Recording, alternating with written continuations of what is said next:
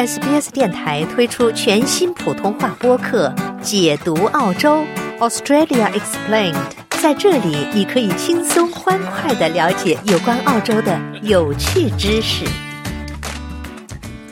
总理承诺，当国会议员返回堪培拉时，他的政府提议的全面减税改革将提交议会审议。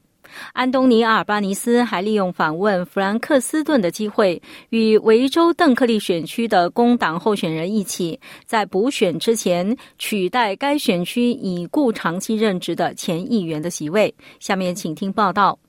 总理阿尔巴尼斯已前往维州弗兰克斯顿，在墨尔本重要选区邓克利进行竞选活动。他还利用这次旅行宣布了一项新的乳腺癌成像服务，该服务以已故联邦议员佩塔·墨菲的名字命名。墨菲女士在与疾病长期斗争之后于十二月去世，引发了在她选区的补选。阿尔巴尼斯先生向这位已故议员表示敬意。She was someone who was deeply loved in such a short period of time for the difference. 他是一个在如此短的时间内因所做出的改变而深受喜爱的人。佩塔过去常说，有一条适用于生活方方面面的坚实的规则：我们知道的越多，我们就越能提供帮助。这当然适用于癌症。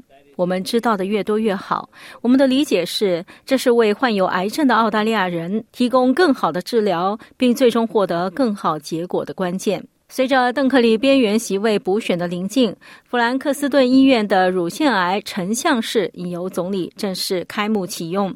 联邦政府已宣布承诺拨款一百五十万元，建立一个全国登记处，以更好的了解可在体内扩散的转移性癌症的患病率。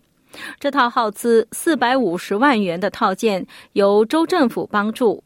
是 Peninsula Health 的首个公共乳腺影像诊断服务，为当地提供乳房 X 光检查、超声检查和活检服务。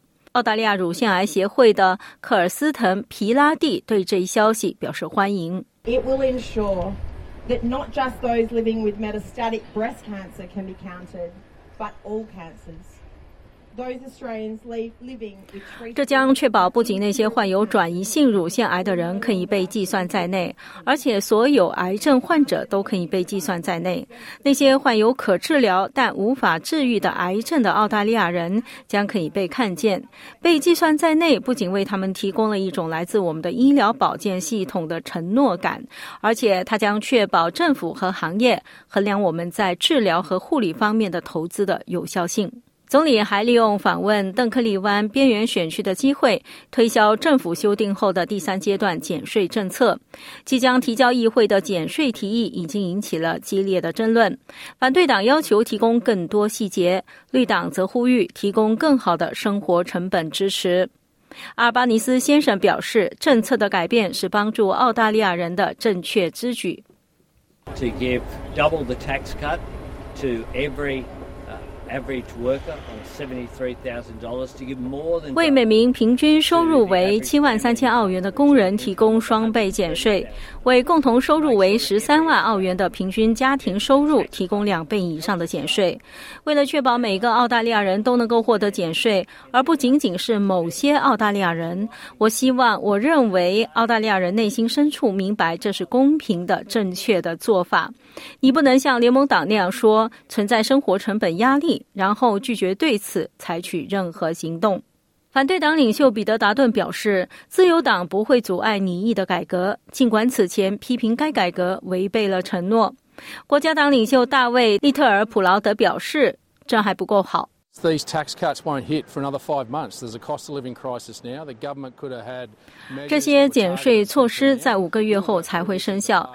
现在存在生活成本危机，政府现在可以采取有针对性的临时措施。